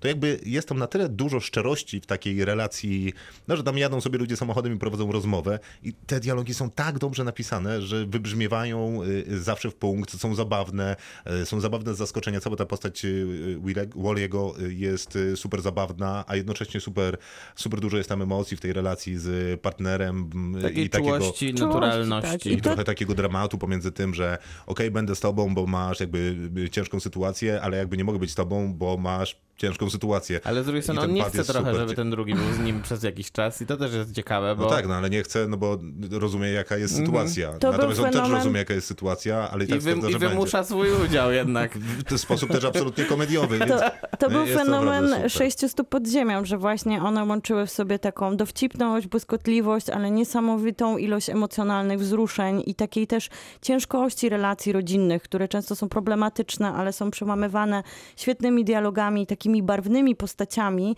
No ale to było wiele sezonów, a tutaj udało się w ciągu tego jednego filmu zbudować postaci z krwi i kości, rozbawić nas, to nie wzruszyć do, film. Do do, łez. Mańka jest to krótki film. A i on ma jeszcze więc- coś takiego, co często się nie udaje, że on jest taki klasycznie amerykański, e, troszkę takie właśnie feel good movie, bo przez część filmu naprawdę się uśmiechamy, dobrze się czujemy, lubimy tych bohaterów, później jest taki zabieg klasycznie amerykański, idziemy z nimi na wycieczkę, oni się Nie, nie, to poznają, jest taki film ale tam idealnie- wszystko działa. Idealnie sandansowy film, em, takiego, takiego trochę, trochę niezależnego amerykańskiego kina. Jak, jak się mówi o niezależnym amerykańskim kinie, to się mówi o kinie często z gwiazdami, którym jest po prostu trochę mniej pieniędzy i za te mniej pieniędzy się robi filmy. Trochę tutaj czuć, nie wiem, em, ale w takim pozytywnym zakresie, nie wiem, Green Booka, trochę czuć... e, Nie no, totalnie czuć Tak, Green tak, Booka. no w sensie to jest podobny charakter filmu. W sensie w Green Booku też tak jest, na co pewnie się sporo ludzi obrażało, że kiedy mówi o tej problematycznej części opowieści Green Booka, która jest jakby tym dramatem, Za łatwo po, oni, za łatwo po tych... jest za, mało, za mało ciężki, wiesz, Tak, tak, taki tak, nie dociska lekki, cię do ziemi, mhm. nie depcze cię. E, I taki jest ten Co wujek był, Frank. co był walorem tak naprawdę Green Booka. Jasne, i też jest walorem wujka Franka, że mimo, że faktycznie no to jest problem, że no, jakby rodzina cię nie akceptuje, bo Mhm. czy tam część rodziny cię nie akceptuje, no jest to dramat, no i jakby nie ma o czym mówić. I ten film jakby mi przekazał jasno tę informację. Tak, to jest dramat, ale jednocześnie nie wyczołgałem się z pokoju, w którym oglądałem film po tym, jak go skończyłem Bo jakby to było często takie- europejskie kino, To by się to prawdopodobnie dokładnie. Tak, tak by I często, a z drugiej strony te amerykańskie filmy często mają w sobie potencjał pretensjonalności, kiedy mówią o akceptacji i odwadze. Trochę to są, wiecie, takie wielkie słowa. One by Ale mogły tutaj być... nie ma takich deklamatorskich dialogów I to też. by mogło być takie patetyczne i naprawdę zepsuć przekaz tego filmu, a przez to, że on jest taki mniejszy, staje się autentyczny i te wszystkie ciepłe, takie trochę Paulo Coelho podsumowania wcale nas nie bolą, one nas wzruszają, tam bierzemy je do takie- serca. ta- ta- nie uważam, że ten film jest banalny, a ta, rozumiem, No właśnie że... nie jest banalny. Mówię, że, n- Powiedziałeś, że trochę te Paulo Coelho że mógłby być Paulo Coelho, mógłby Aha, być mógłby taki być. pretensjonalny, A, a, no nie jest. tutaj A- się udało mu wybronić i zdobyć to prawda. autentyczność. Tak, tak, tak, tak, to sorry. E, A jeszcze odnośnie tego, co ty, y, Macie, mówiłeś, że, że to jest taka klasyczna e, historia, opowieść e, filmów LGBT. To ja się jakby zupełnie nie zgadzam, bo Mhm. filmy LGBT z reguły mają, e, może nie wszystkie, część, te, które widziałem, mają trochę klapki na oczach i mówią, dobra, tu jest nasza droga, nie bardzo mnie obchodzi żadna inna. A ten film jest na tyle sprawny, że nieważny jest w gruncie rzeczy ten dramat głównego bohatera, no, że on ma akurat taki, no to okej, no i przyjmuję to, biorę, dziękuję, mam czy ty- pełną świadomość, ale w sensie on jest na tyle skupiony na, y, y, na człowieku jako człowieku, a nie człowieku, nie wiem, akurat z takim problemem, że w zasadzie można postawić dowolny inny, przez to zyskuje na uniwersalności, przez to jest łatwiejszy, y, w, mocniejszy w I czy odbiorze. tutaj nie, właśnie nie jest siła w prostocie, żeby wybrać taką prosty punkt odniesienia, że to, To czy oglądamy, Coelho, ale zgadza się. Tak. że oglądamy ten film z perspektywy e, właśnie Sophie Lillis, bo nie z perspektywy wujka Franka i Paula Bettany i przez to może, że ta perspektywa jest tej młodej dziewczyny, ona też odkrywa swoje życie, to też jest jej historia, ona przestaje być taka narzucająca, że to jest właśnie opowieść em, tylko i wyłącznie o tej akceptacji i odwadze w byciu sobą, bo No to jest większy proces Znaczy nie, to, rodzinny. nie, no to jest od, od opowieść Jest, właśnie o ale- odwadze i byciu, y, byciu sobą, Ale i dla mierzeniu się ze wszystkich, nie tylko problemami. dla jednej postaci. Tak, y, dokładnie tak jest. Y, Macie, będziesz oceniał? Szkoda, że to jest taki mały jednak film w kontekście na przykład Manka, który, który jest bardzo mocno promowany pod Oscary, to mm, gdyby, gdyby to był większy film z większym, z większym marketingiem, publicity, to pewnie Paul Bettany byłby No jednym tak, z faworytów prawda. Oscarów. Absolutnie, Barola jest To 10 na prawda. 10. A film twoim zdaniem? A film jest 9 na 10. A film jest 8 na 10 moim zdaniem. 8, 8 na 10 również. Kinotok. Film. Za nami Mank, za nami wujek Frank, teraz królowie A jak się Charm... zrymowało? Prawda? No. Teraz królowie Charm City. Angel Manuel Soto przygotował ten film. Opowieść... e, Pięknie to powiedziałeś, tak powiem ci, Bardzo naprawdę. przygotowałeś się. Angel powiedziałeś? Angel? Angel. Uuu, A nie an, an, Angel? No nie, no bo to jest y, hiszpańskiego, w sensie Meksykan, Meksy, tak? meksykańskiego pochodzenia y, reżyser, więc wiesz, na y, jalapeno nie mówię ja, jalapeno. Gratulacje. Dziękuję. Tyle wiem. Y, Maciej, jako specjalista od języka hiszpańskiego, czy potwierdzasz tę Dajesz informację? Potwierdzam, tak. Dostaję piątkę, zdałem Wspaniale. egzamin.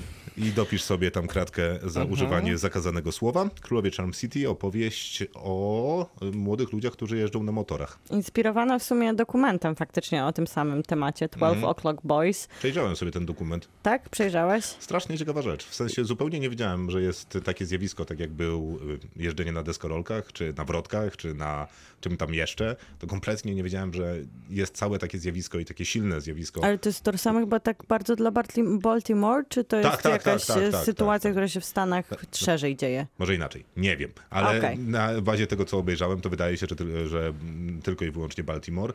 E, Jest to ciekawe zjawisko, bo w sumie nie bardzo rozumiem, dlaczego akurat Baltimore, poza tym różnymi zjawiskami, no ale szukałbym jakichś powodów chociażby A geograficznych. czy to zawsze są gangsterzy na motorach, czy to są po prostu też e, młodzi ludzie, którzy jeżdżą na motorach? No Nie, no wiadomo, no, większość Czyli, to są młodzi gangsterzy. Nie, no wiadomo, A. że większość to młodzi ludzie, ale część z nich to gangsterzy. prawdopodobnie. No nam film sugeruje, że większość jednak na motocyklach to gangsterzy. No nie no, tam tych ludzi na tych, y, okej, historia, Rajdach. historia faktycznie jest taka, że mamy taką trójkę przyjaciół, młodych bardzo, ja nie wiem ile oni mają lat, ale są nastoletni. 14 w opisie dystrybutora. O, dzięki dystrybutorze. Więc mają 14 lat. Y, Brat jednego z nich, głównego bohatera, zginął właśnie w wypadku jeżdżąc na takim motorze. Bo nie jeżdżą Nie. na, Czy nie, zginął On w zginął obławie policyjnej. W obławie policyjnej. jeżdżąc na takim motorze. E, A oni jeżdżą na tych motorach w taki sposób pełen różnych trików, ewolucji, jeżdżą na tylnym kole, przednim, skaczą na tych e, Na motorach. No, kładach też jeżdżą. Niewiarygodne rzeczy robią, faktycznie wygląda to super. Ten brat zginął, matka nie chce, żeby on w ogóle się do motoru zbliżał. No to on oczywiście się zbliża do tego motoru razem ze swoimi wszystkimi kumplami. Jeszcze w dodatku dostaje pracę związaną z tym. Tak. I tutaj się pojawia to, co w filmie i faktycznie przekłada się to idealnie. Jest tu y, absolutny karate kid, bo ten człowiek on będzie... mówi o tym. No tak, tak, mówię, że się pojawia w filmie. Więc ten człowiek będzie ich uczył, że teraz będziesz malował motor, a jak już sobie wymalujesz motor, to będziesz mógł na nim jeździć. Tylko, że to jest takie o tyle nieciekawe, że skoro, kiedy są takie historie, że ktoś kogoś czegoś naucza, to z reguły naucza go czegoś, co pozwoli mu poznać różne wartości w życiu i to mu da jakąś siłę i będzie mógł to wykorzystać do tego, żeby zbudować na tym swoje życie. Tutaj się okazuje, że jedynie może zbudować drogę do więzienia, no bo te motory się tutaj przekładają prosto na to, o czym mówiła Miłka, czyli na to, żeby zostać gangsterem. No i tyle. Taka jest y, opowieść. No wydaje się, że ona się zaczyna od takiego trochę, bo to film nagrodzony na Sundance, więc on ma wszystkie te elementy, które na Sundance muszą się pojawić, czyli pewną określoną kolorystykę, pełne słońce, bo to zwykle wakacje, w tym wypadku to też są wakacje, przerwa od szkoły, chłopcy mają dużo czasu, coming of age story, taka w klasycznym wydaniu, bo muszą być problemy, muszą być podjęte złe decyzje i muszą być ich konsekwencje, żeby nasz bohater doszedł do jakiegoś celu. I tutaj właśnie wydaje mi się, że nie ma żadnych zaskoczeń. Ten film jest przewidywalny, powtarzalny, gra dokładnie na tych sprawdzonych rytmach, które już w tym klasycznym coming of age story się wydarzyły pewnie na Sundance nieraz. I mm, widać takie właśnie szantaż emocjonalny trochę, który jest stosowany tutaj przez większość filmu i takie chwyty no dosyć już sprawdzone, że właśnie to, czym mówiłeś, tu zawsze się musi pojawić jakiś bohater, który albo jest kontrze, albo powie jak żyć, albo będzie konkretnie, nawet całe otoczenie wpisuje się w te, no jednak takie schematy mocno No, kina. tak, bo, y, bo na poziomie scenariusza ten film jest niewiele bardziej skomplikowany od Step Up. Czyli najpierw nikt mnie nie lubi, dostaje się do tej fajnej ekipy, ale mnie z niej nie wyrzuca, wyrzucają. Składam ekipę z tych wszystkich innych dziwaków, co ich nikt nie lubi. Wygrywam z tą fajną ekipą, która była wcześniej. No może jest troszkę bardziej skomplikowanie, ale znowu nie aż tak bardzo. Y, Natomiast szukając plusów, to znalazłem głównie te motory. Ni- Niestety, kiedy przyglądałem się dokumentowi, okazuje się, że w tym dokumencie te motory są znacznie ciekawsze. Największym moim jednak y, problemem w tym filmie jest to, że on nawet nie szantażuje mnie emocjonalnie, bo nie ma tam takich, y, y, takich scen wymuszających na, na mnie jakąś reakcję emocjonalną. W sensie są powtarzalne sceny, te schematy, o których mówiłaś, ale przede wszystkim on nie budzi emocji i, i mam wrażenie, że jakby nawet niespecjalnie chciałby próbować. Ale takim problemem jest jednak nośnik, czyli te, te dzieciaki, które robią rzeczy, czyli jeżdżą na motorze, później budują motory, później coś tam jeszcze robią. E, I jest tam ten młody aktor, który nazywa się Jahi Dialio Winston i moim zdaniem jest fatalny. Mimo, A, że to przez... się, to w, tym, w tym zakresie się nie zgodzimy nawet na milimetr prawdopodobnie. Aha, bo mimo, że w pierwszych momentach wydaje się taki super naturalny i super ciekawy i y, taki dokładnie jakby go wziąć na, na ten motor, no to kiedy film przekracza gdzieś tak połowę, to jest absolutnie nieznośny. Jest powtarzalny w tym, co robi, w zasadzie robi głównie to samo i cały czas ma otwarte usta. Nie wiem, to jest jakaś jego metoda. Y, No i jakby tyle, taki film. Fajna opowieść, bo pokazuje jakiś kawałek świata, którego nie znam, ale w zupełnie jakiś taki powtarzalny sposób. To zanim Maciek dodasz o aktorze, to ja Zanim nie powiem, zniszczysz. Nie To ja powiem niszczył. tylko, że naprawdę jest mało tych motorów na to, jak ten film mógłby się budować na tym Baltimore, na życiu tych młodych ludzi na tej ulicy. Mi się wydaje, że ciągle jesteśmy na tym samym rogu. Są dwa motory i gdyby Jeden nie kład. ta końcówka, gdzie faktycznie jest pokazane parę trików, to ja bym w ogóle nie doświadczyła tego, tego jakby tego fundamentu fundamentu całej opowieści, tej kus, kultury, Kultury. crossoverów. Ten rajd to jest też na tym samym rogu, obok jest ten sklep. Mi się wydaje, że ciągle nie wychodzę z jednej ulicy, a w warsztacie to też widzę trzy motocykle. No, no nie no, tam jest akurat no, tam bez No ale w tym 10, sensie, że wiesz, że nie chodzi. czuję tego rytmu ulicy, tej W sensie, mocy, która okej. mogła być niesiona. W sensie nie są I tej to... podniety za tym, żeby być częścią tego. To nie są, to, to, to jest na pewno prawda, że nie czuć emocji z tego, że wow, to jest naprawdę fajne, jest za tym jakaś kultura. Że chciałabym partycypować, Tak, podglądać. Tak, tak, tak. Ale, też nie są to za szybcy, za wściekli w tym sensie, że to pewnie nie ten budżet. No na pewno. No nie no, akurat oddając tam pierwszym czy drugim za szybkim, za wściekłym, no to ja, ja tam poczułem ten y, rytm ulicy i tych nielegalnych wyścigów na tam ćwierć mili, czy na, na, na ileś. No. no tuningowali te samochody, było ich dużo, były wypasione. Poczułeś takie coś z obsadą taką? No nie. Nie no, nie, nie z No obsadą. błagam. Boże, no nie z obsadą, bo obsada nie ma kółek, tylko, tylko tak, ale przez, liczbę, przez liczbę samochodów No, i, no, i no, poziomie okej. Stuningowania. A to już Maciek oddaję ci głos, żebyś bronił aktora. A to, co do szantażu emocjonalnego, to wydaje mi się, że ten film po prostu tak konsekwentnie podnosi stawkę coraz gorszych decyzji. W tym sensie, że coraz bardziej ten nasz bohater musi być autodestruktywny, aż do tego momentu, kiedy jak Feniks narodzi się z, tak. po, z popiołów. No dobra, znaczy z jednej strony tak, tylko że z drugiej strony e, przed chwilą rozmawialiśmy o filmie, który się nazywa Wujek Frank, w którym, e, w którym wskazaliśmy, że e, nie ma tam takiego dociśnięcia tematu. Tutaj też nie ma tego dociśnięcia tematu i wydaje mi się, że to wcale nie jest najgorszy, najgorszy, mm, e, nie jest to najgorsza decyzja, jeśli chodzi o scenariusz i reżyserię. Się zgodzę, że rzeczywiście jest tutaj jest to schemat goni schemat. Natomiast wydaje mi się, że ja, ja przynajmniej czułem jakieś tam serce po dobrej stronie, jeśli chodzi o twórców, bo oni mm, nie chcą chyba pokazywać tego Baltimore tak, jak pokazywane było, nie wiem, w mm, The Wire. w The Wire, bo to też nie ma sensu z drugiej strony pokazywanie czegoś takiego po raz kolejny w ten Ale- sposób. Ale w gruncie rzeczy trochę też tak pokazują.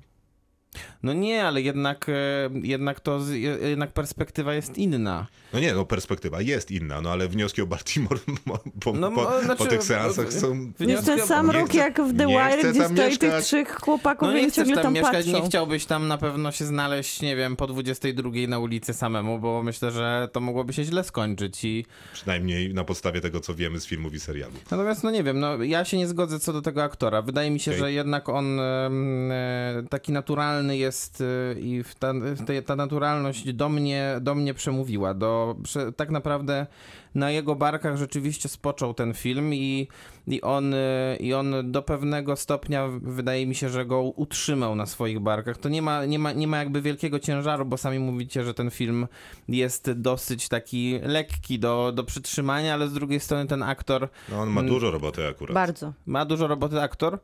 Y, Ten aktor, y, tak. No tak, i, ja, ja, będę, ja będę się trzymał tego, że on jednak tę swoją robotę wykonuje solidnie, natomiast y, zdecydowanie bardziej trafiają do mnie też te postaci, pos- te dorosłe postaci. To są naprawdę dobrze zagrane role. Szczególnie tego pana, który się nazywa Blacks. Tak? Czyli Tak. tego jego mentora. To też jest taka rola zagrana w sposób taki bardzo prosty.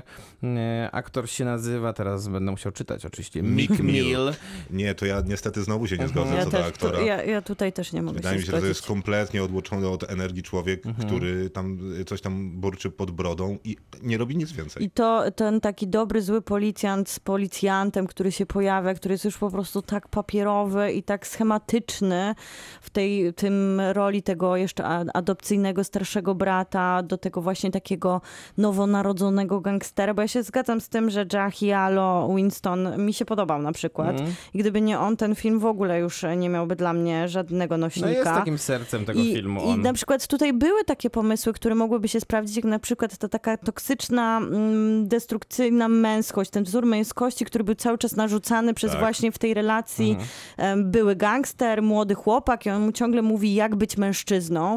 I gdyby takie Tylko, tematy ten pociągnąć... Tylko, że ten model zupełnie się nie sprawdza i donikąd nie prowadzi. Tak, I, ale gdyby pokazać, jakby faktycznie gdzieś pogrzebać, grubiej pokazać faktycznie psychologię tych e, narracji, no, tego, tylko, że że... to nie miał być taki film. No Tylko, że tak, to ale to by może było jednak- ciekawsze No tak, Byłoby, temu. tylko że akurat y, no, jakby ten film Tylko, że nie zupełnie by nie, takiej trafiło do, tylko nie trafiłoby zupełnie z klimatem filmu, który został stworzony, bo jednak byłoby wtedy, to wtedy, to wtedy byłby już totalny chaos narracyjny i totalny chaos emocjonalny. No ale teraz też tak trochę nie wiadomo, nie? Bo nie wiadomo, czy on chce być takim cool filmem o y, młodych chłopakach, którzy robią rzeczy na ulicy. Nie wiadomo, czy chce być takim wakacyjnym, sandensowym No e, myślę, że opowieścią, wiadomo, Ja myślę, że chce być e, wakacyjnym, o utracie niewinności Nie, no ja, i ja rozumiem, stworzeniu ale do bohatera. tego jest jeszcze dramatyczna opowieść przy okazji naszych złych życiowych wyborów i tam toksycznym wzorcu męskości. E, I jakby wydaje mi się, że jest po prostu za dużo tych rzeczy, albo Mhm. są źle zbalansowane. No, nie- no nie wiem. No i będziemy Nie- oceniać. nie Zgodzę pewno- się do końca, w sensie jeszcze jedna tylko rzecz. Tak, Wydaje mi się, że można byłoby go spokojnie porównać do tego, co oglądaliśmy w takim filmie, który powstał na podstawie serialu, czyli Betty, mm, który był z kolei o dziewczynach jeżdżących na deskorolkach i Pamiętam, nie lubię. tam Kate to, Kitchen. tam to, to było, tam było wszy- według mnie wszystko w punkt, jeśli chodzi o pokazanie tego zjawiska i o z, sportretowanie też postaci, wokół których ta historia się toczyła. Tutaj ym, mamy jednak więcej schematu, ale z drugiej strony ta postać, wokół której został stworzony, została stworzona ta historia, do mnie przynajmniej trafiła i ja będę, ja nie jestem tak bardzo negatywnie nastawiony do tego filmu, bo dobrze się po prostu patrzyło na tego aktora i na które, którego ty tak nie znosisz, jak Tak się jest. widać, Ale więc, co- Ocenę więc ty nie jesteś w stanie dobrze, wysoko ocenić. Ja bym, ja wystawię 7 na 10. Okej, Miłka? 6 na 10. Ja, ja daję piątaka. Kinotok. Film. I na koniec y, ostatni film z naszego zestawu. Dzisiaj był Mank, wujek Frank, królowie Charm City, a na koniec Szczygieł Johna Crowleya. No i co wam w tym, po tym filmie w duszy gra? Ten film trochę- ponoć, a przepraszam, Śmiało Maciej, śmiało. ten film ponoć miał być jakimś niesamowitym kandydatem do Oscarów jeszcze zeszłorocznych, bo film jest z 2019 Jak elegia roku. dla bidoków. Oparty na y, bestsellerowej powieści. Y, Tłumaczymy się szybko, że recenzujemy go dlatego, że pojawił się w serwisach streamingowych, a to, Pierwszy i, raz legalnie tak, w Polsce, tak. HBO A go... to- a to jedyne premiery, na jakie możemy liczyć. Dokładnie aktualnie. tak, niestety. I jest to opowieść, której nie jestem w stanie sklecić, nie, streścić niestety. No W sensie, właśnie. jest główny bohater, dostaje jakiś obraz i w sumie nie wiadomo po co i o co chodzi. Mi się wydaje, że całkiem nieźle jest streszczone to przez dystrybutora w takich O, e, krótkich słowach, że matka bohatera ginie w wybuchu bombowym w galerii, w której on z której on kradnie jej ulubiony obraz. Tylko, że Kropka. on nie kradnie tego obrazu do końca, bo jednakowoż Nie no, on kradnie go. dostaje go. od kogoś. No Chociaż dobra, nie wiadomo- Okej, No semantyka, dobra, no. powiedzmy, że kradnie. Dobrze, kradnie. No, kradnie. No i kropka. I, to jest trzyma- niby cała I opowieść. ten obraz, y, i wokół tego obrazu niby ma się toczyć jakaś historia, ale się nie toczy żadna. No właśnie, to jest taki du duży problem z tym filmem, że, Największy. To dosyć duży. że nie bardzo toczy się historia, y, bo A za to ma z tysiąc wątków. chciałem I trochę... trwa dwie i pół godziny. Chciałem trochę przenieść odpowiedzialność za rozmowę o tym filmie na was i pierwszym moim pytaniem miało być, słuchajcie, powiedzcie mi, o czym był ten film. No, tam, że- bo, bo faktycznie w filmie jest obraz i faktycznie jest, Jest młody chłopak. Jest młody chłopak. Ginie też jej, jego matka. Tak. Y, Ale to nie odpowiada na pytanie, o czym jest film. Nie, nie, i, i mm, ten film sam nie jest w stanie odpowiedzieć na to pytanie, no, bo te, y, ja mam wrażenie, że to był taki konkurs na, na mnożenie kolejnych wątków, które w żaden sposób nie zostaną domknięte i tak naprawdę mm, pojawiają się kolejne postaci. Z tymi postaciami... Bo y, akcja tyle można powiedzieć, co może ułatwia, że dzieje się w miarę chronologicznie, bo Tak, chłopak jest młody, a później jest starszy. Znaczy tam są No, jakieś znaczy, takie tam takie przeskoki. są skoki troszeczkę. Trochę. No ale takie w jednym kierunku, nie? Że jakby To prawda. nie ma chociaż retrospektyw, które jeszcze mogłyby dodatkowo skomplikować ten film, chociaż Ale ten film w sumie kończy. e, Ten finał jest jednak naj, najdramatyczniejszym doświadczeniem z tego filmu, bo on jednak W stara sensie się dopowiedzieć nie takim właśnie patrzącym na tą historię, która się nie niesie, bo jesteśmy zagubieni przez te dwie i pół godziny, bo najpierw właśnie myślimy, że to jest historia tego chłopca i jego dra- jakby dram- dramatu, który on musi przeżyć, bo stracił matkę, tego jak będzie się miotał między miejscami, w których ludzie go będą przyjmować, jak będzie zmieniał status społeczny, to może miałoby sens, kiedy nagle przenosimy się bardziej do kina kryminalnego, do zagadki, Tak, tak. do gangsterki, więc zaczynają To pojawiać się problem. wątki, które Reżyser nie ma- rozbijają tą treść. Reżyser nie ma pojęcia, w jakim gatunku siedzi film, jaką historię chce opowiedzieć. Nie za bardzo wie, jak też kierować aktorami. A, to, a widać, że niektórymi przynajmniej trzeba byłoby troszkę pokierować, bo, bo niektórzy sobie po prostu przejdą po ekranie, tak jak Nicole Kidman przechodzi po ekranie w, w, w większej albo mniejszej charakteryzacji. Tak samo Jeffrey Wright też, yy, głównie siedzi na jakimś fotelu i coś tam mówi, albo opowiada o tym, że tutaj naprawił jakieś tam krzesło, Dotyka- albo to coś tak, tam. Dotyka szafki, zawsze takim zmęczonym wzrokiem patrzy. Gdzie jest mój fotel? Jestem zagubiony w scenie. Gdzie jest mój fotel? Więc y, no, y, no jest to problem z tym filmem, że nic za bardzo nie można o nim powiedzieć. No No nie właśnie, wiem. nic nie bardzo można o nim powiedzieć, bo on nie bardzo mi coś daje, bo zastanawiałem się, kiedy w bólach kończyłem ten film przy trzecim podejściu, jaka była książka, w sensie jaką ona historię opowiadała, bo wyda- Wiemy, że była bestsellerowa. więc zakładam, że była niezła, skoro dużo osób y, y, ją kupiło. Y, Albo chociaż łatwa, albo cho- chociaż miała wyrazistą historię, no bo No ale z bestsellerami to bywa różnie, no bo to nie zawsze jest chyba- dobra książka. Tak, myślę, że musiała być jednak, e, musiała mieć jakiś potencjał, skoro mm, ten sezon Oscarowy 2019, e, jak się rozpoczynał i było wiadomo, że ten film wyjdzie w tym sezonie Oscarowym, no to na wszystkich listach potencjalnych nominowanych, to ten film był, był gdzieś na początku zawsze tych list, a potem, e, a potem jak się pojawiły pierwsze recenzje, e, no To to, no to strasznie szybko zaczął znikać, nie? Więc, e, więc się okazuje, że chyba jakiś potencjał musiał być, bo niestety no, nie czytaliśmy tej książki. E, No ale, te, ale, ale ten film absolutnie nie zachęca do tego, żeby po nią sięgnąć przy W okazji. większości amerykańskich recenzji właśnie mm, jest powiedziane o tym, że to nie jest e, teraz ode mnie, że wspaniała książka została przemielona na pasztet, zniwelona i same są dramaty w odniesieniu do tego, że większość jednak krytyków książki odwołuje się do książki, więc e, chyba tutaj jest jakiś problem z przepisaniem tego na scenariusz, ale wydaje mi się, że może też problemem być to, że ten, oglądając ten serial ciągle myślałam Ten sobie, film. Dlaczego fi- film, dlaczego nie zrobiono z tego miniserialu, bo może wtedy Nie, bo ta zabawa... się 12 godzin, a Ale, nie 2,5. ale może Mo- wtedy właśnie mogłoby się udać, bo Może trochę... dlatego, żebyśmy dostali znowu undoing, więc y, może lepiej, żebyśmy tego nie robili No, Tutaj jednak. na pewno jest e, ciekawe porównanie tych dwóch finałów, bo moment, w którym tak naprawdę dochodzimy do końca tej opowieści, tej dziwnej historii no sklepionej gatunek z gatunków, właśnie tak, sensacyjny. gdzie wchodzimy z, z, z tej opowieści sklejonej w gat, z gatunków taki no bardzo tandetny i nagły finał, który urywa historię, która rozwijała się przez dwie i pół godziny dla tych 10 minut, które ją w jakiś sposób doprowadzają do końca. Brutalnie i wydaje mi się, że też głupio, bo po prostu odbierają jakąkolwiek, jakikolwiek sens tak naprawdę tej podróży, tego tytułowego obrazu, tego szczygła przez te dwie i pół godziny do tego punktu, w którym się znajdujemy z bohaterem, który roni łzy szczęścia nad tym, e, co się właśnie wydarzyło, a ja nie mogłam jakby tego nie, tutaj nie można wybaczyć tego, że ta historia tyle mm, angażuje od nas i wymaga czasu. Z drugiej strony widać, że tu było sporo pracy i pieniędzy włożone w ten konstrukt. O, to na pewno. Bo nie dość, że casting, gdzie każde praktycznie nazwisko, które się pojawia, to jest znane nazwisko, to ten film wygląda bardzo dobrze, bo pamiętając ostatni film Crowley'a Brooklyn, to to jest taki film e, bardzo estetyczny, ale on tutaj tak skacze pomiędzy rzeczywistościami i gatunkami, że my nie możemy zatrzymać nawet wzroku na kadrach, które z drugiej strony się dłużą. Dłużą się potwornie. Y, Potwornie.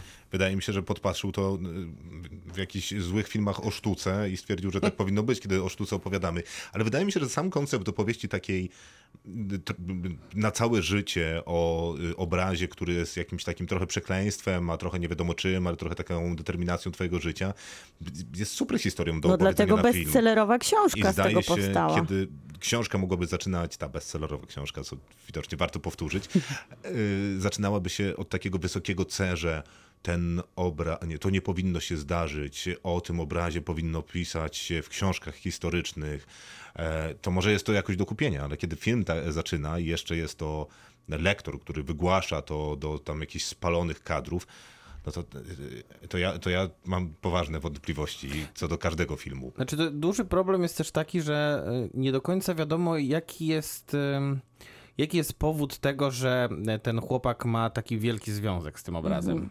I wydaje mi się, że już abstrahując od tego, że ten obraz e, pojawia się na tym ekranie, pojawia się trochę w dialogach, ale są takie momenty, kiedy zupełnie o tym zapominamy, że, że, ten, że ten film, em, że ten obraz jest jakimś ważnym elementem tej fabuły i nie wiem, dostajemy na przykład 30-minutową sekwencję, gdzie się rodzi jakaś taka przyjaźń pseudo pomiędzy głównym bohaterem a jego kolegą z Ukrainy, Rosji, nie wiadomo wiadomo skąd, bo w sumie nie wiadomo do, do końca skąd jest ten Borys. No i, no i to wszystko jest jakby takie y, przemielone, I wy- wyzbyte emocji, wyzbyte z emocji, bo Tak. ci bohaterowie tak naprawdę w żaden sposób nas nie angażują Zagadają do emocjonalnie. siebie i tyle. A jest Okej. ich wielość straszna, bo Miłka, ciągle się przenosimy z sekwencjami 5 na 10. Maciek. Też pięć. Okej, to ja tr- trzy. Dzisiaj, Trochę się miotałeś. tak Trzy czy na- cztery. Chciałem mu dać cztery, no ale naprawdę nie rozumiem tego filmu. Ale elegii dla bidoków dałeś 5, a ja mu dałeś 3, czyli podobała ja- ci się to my bardziej. tutaj odwracamy. Tak, tak. Bo no mi się bo- ale- bardziej szczygieł już No ale w ja, ale ja rozumiem, głupim bezsensie. rozumiem podobał. Elegię dla Bidoków. W sensie nie, nie uważam, że jest dobrym fi- filmem z różnych powodów, ale ma dużo plusów, których Szczygieł nie ma żadnych. No to No nie, nie, Szczygieł ma jeden plus, którego Elegia Debilików nie ma. To znaczy, nie krzyczą na siebie bez sensu aktorzy. tak, tam po prostu m- m- Tutaj- mówią w tutaj zasadzie po prostu cały chodzą czas tym po samym ekranie. tonem.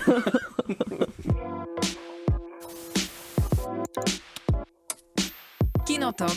Serial. I na koniec y, miało dzisiaj serialu nie być. Znaczy od początku miał być, ale bardzo krótko, bo to tylko jeden odcinek, ale więcej nie ma. To tylko dlatego tak o tym mówimy. Tak, wszystko się zgadza, Bo bo to, to nawet nie cały sezon, a Christmas Special. Christmas Special, a tak naprawdę sam reżyser i Zendaya o tym mówi, a mówimy o euforii, że to taki pomost pomiędzy pierwszym a drugim sezonem, ponieważ pandemia zupełnie przesunęła premierę drugiego sezonu, tak naprawdę złapała produkcję euforii jeszcze na czytaniu scenariusza i zupełnie skomplikowała sytuację, żeby wyprodukować serial, więc jest problem. I dla tych wszystkich, którzy tęsknią za pierwszym sezonem, powstał taki kameralny projekt, który trochę obchodzi pandemię. Jeden z dwóch e, odcinków no takich właśnie trochę Christmas Special, już na HBO Go i w sumie od dziś, w, nie, od wczoraj w telewizji. Wiem szczerze, Też. ja już tęsknię za tym serialem, mimo że jeszcze go nie widziałem. I to jest w ogóle ciekawe, bo z jednej strony to jest trochę zabawa z konwencją Christmas Special, które zwykle są radosne, w tematyce świąt, celebracji, no a nawet jak się pojawiają jakieś takie ciekawsze podejścia, jak nie wiem, Black Mirror czy Misfits, to zawsze czym- jest śnieg. Musisz jeszcze powiedzieć, czym w ogóle jest euforia, bo że Christmas Special zrobili to jedno, a Euforia to jest serial, który możemy oglądać z całym pierwszym sezonem na HBO. Opowiada o nastolatkach z perspektywy takiego doroślejszego spojrzenia na ich życie, bo on nie szczędzi sobie i scen seksualnych, i podejścia do narkotyków i alkoholu, zwłaszcza nie z tej takiej wesołej opowieści o tym, jak fajnie się bawić i być młodym człowiekiem, tylko z perspektywy uzależnienia i właśnie Zendaya, główna bohaterka, jest uzależniona od narkotyków. Jest to z jednej historii, z jednej, z jednej perspektywy historia jej choroby, z drugiej historia jej dojrzewania i miłości. Poznaje Jules, najlepszą przyjaciółkę, w której się zakochuje i pierwszy sezon też jest taką kwintesencją różnych historii młodzieży. Są różni bohaterowie, każdy dostaje trochę swoje odcinki. Jest to mm, konwencja z jednej strony teledyskowa, tym się zajmował trochę twórca, więc mamy bardzo dużo muzyki. Produkują to gwiazdy muzyki od Drake'a, sam producent, gwiazdy muzyki amerykańskiej. Jest bardzo Akurat szybkie. Słaba rekomendacja. No, myślę, że dla wielu mocna może być, No ale nie, jest no czekaj. szybkie, brokatowe, szybkie, brokatowe, neonowe tempo, kolory, narkotyczne wizje, młodzieńcze dramaty, piękni aktorzy, świetnie zagrany serial i nagle dostajemy taki Christmas special, który z jednej strony pandemicznie, z drugiej strony przełamując konwencję i samego bonusowego odcinka i euforii, jest w bardzo takim intymnym, dwuosobowym gronie zagranym przez Zendaję i jej opiekuna z AA. No, to nie jest dla, no tak, z narkotycznego AA, który jest jej sponsorem. Spotykają się w wigilijny wieczór w takiej klasycznej amerykańskiej jadłodajni, która zawsze gdzieś jest przy motelu, W tak zwanym pusta. dinerze. W dinerze, dokładnie. I odcinek za, zaczyna się takim elementem, który łączy go z sezonem pierwszym, ale tak naprawdę to 55 minut rozmowy. Bardzo na poważnie o narkotykach, o problemach, o Bogu. czyli jak cię mogę ten Christmas Special? Jak cię mogę ten Christmas Special i jak cię mogę nie w konwencji euforii, która nas atakowała bodźcami. Dobre, fajne. Yy, No to zapraszamy do Euforii na początek pierwszy sezon dla tych, którzy tytułu nie znają. Dla tych, którzy znają, no to wiadomo, że oglądają tylko Christmas Special, który, który jak widać jakiś mroczny. Tak taki bardzo. E, bardzo serdecznie dziękujemy, to był Kinotok. E, Słyszymy się oczywiście za tydzień. Za tydzień będzie odcinek z Meryl Streep, No i będą, który i, czekasz. i będą jeszcze. Teraz mnie Meryl Streep nie obchodzi, bo tak się składa, że obejrzałem serial, który żaden serial nie wkurzył mnie tak bardzo, bardzo dawno, od bardzo dawna. To, to znaczy, że coś się dzieje, Nie, widzisz? nie, oczywiście, że tak, bo to nie Myślę, jest tak, że że jest spora szansa, że Meryl Streep też cię to wkurzy. nie mocno. jest tak, że ja go jednoznacznie nie lubię. Nazywa się Inni Ludzie. Pewnie dużo osób już go obejrzało, ale. Ale dopiero- znaczy normalni ludzie. Normalni Normalni. ludzie, przepraszam, oczywiście normalni ludzie. To będzie ciekawa rozmowa za tydzień. Bardzo uprzejmie Ja nie mogę się zapraszamy. doczekać też, Jutro. Kinotok w podcaście, więc też uprzejmie zapraszamy i zapraszamy do tego, żebyście, jak, jak już kiedyś na przykład odpalicie Spotify'a, to wpiszcie sobie Kinotok, tam będziemy my do znalezienia i jak dacie nam y, subskrypcję, to będziecie z nami na dłużej, będzie super. Na, zaproście swoje rodziny, bliskich, Rodziny, przyjaciół. Tak, e, Bardzo dziękuję, dziadków. Krzysztof Majewski, do usłyszenia. Miłosława Bożek. Maciej Stasierski, dobranoc. Kinotok. Tuż przed wyjściem do kina. Fucking good.